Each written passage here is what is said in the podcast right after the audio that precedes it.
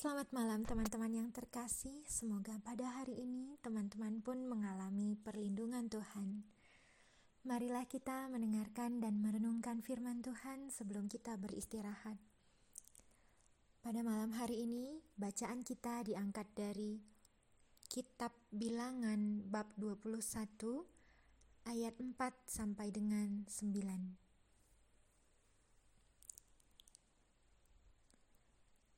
Setelah mereka berangkat dari Gunung Hor, berjalan ke arah Laut Teberau untuk mengelilingi tanah Edom, maka bangsa itu tidak dapat lagi menahan hati di tengah jalan.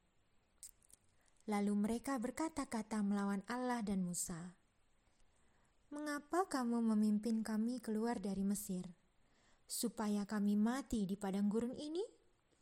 Sebab di sini tidak ada roti dan tidak ada air." Dan ada dan akan makanan hambar ini kami telah muak. Lalu Tuhan menyuruh ular-ular tedung ke antara bangsa itu yang memagut mereka sehingga banyak dari orang Israel yang mati. Kemudian datanglah bangsa itu mendapatkan Musa dan berkata, "Kami telah berdosa sebab kami berkata-kata melawan Tuhan dan Engkau. Berdoalah kepada Tuhan supaya dijauhkannya ular-ular ini daripada kami. Lalu Musa berdoa untuk bangsa itu.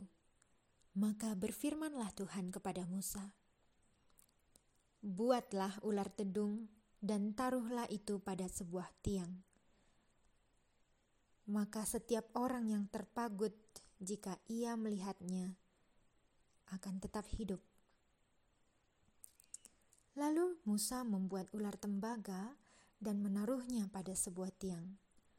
Maka jika seseorang dipagut ular dan dia memandang ular tembaga itu, tetaplah dia hidup. Demikianlah sabda Tuhan. Teman-teman yang terkasih, bacaan dari kitab Bilangan memaparkan salah satu momen paling kritis perjalanan bangsa Israel di padang gurun.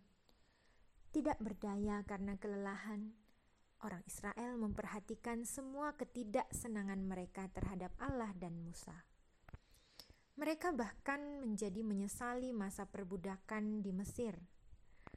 Kita tahu betul bahwa penyesalan akan masa lalu muncul ketika mimpi memudar ketika kita menyerah pada panggilan untuk turut serta dalam visi dan proyek Allah. Dan kemudian nostalgia masa lalu dan ratapan serta keluhan lebih diutamakan daripada perasaan-perasaan lainnya. Kemudian muncullah ular berbisa yang menggigit dan membunuh orang di mana-mana bukan Tuhan yang mengirimkan ular, tapi kita sendiri yang menyebarkan racun di segala bidang kehidupan dengan kegetiran, dendam, dan tuntutan. Kesadaran akan dosa menuntun bangsa Israel untuk berbalik kepada Musa, sehingga ia dapat menjadi perantaranya dengan Tuhan. Dan Tuhan sekali lagi turut campur tangan dia meminta mereka membuat ular tembaga dan menyuruh mereka menaruhnya di tiang. Siapa pun yang melihatnya setelah digigit akan diselamatkan. Padang gurun yang tadinya menjadi tempat kematian karena racun yang disebarkan manusia satu sama lain, diubah menjadi tempat keselamatan karena simbol tersebut. Saat kita mendengarkan kata-kata terakhir dari bacaan ini, kita diingatkan langsung kepada salib yang dalam beberapa hari akan ditancapkan di Golgota. Dan kita diundang untuk merenungkan dan menyambutnya di dalam hati kita.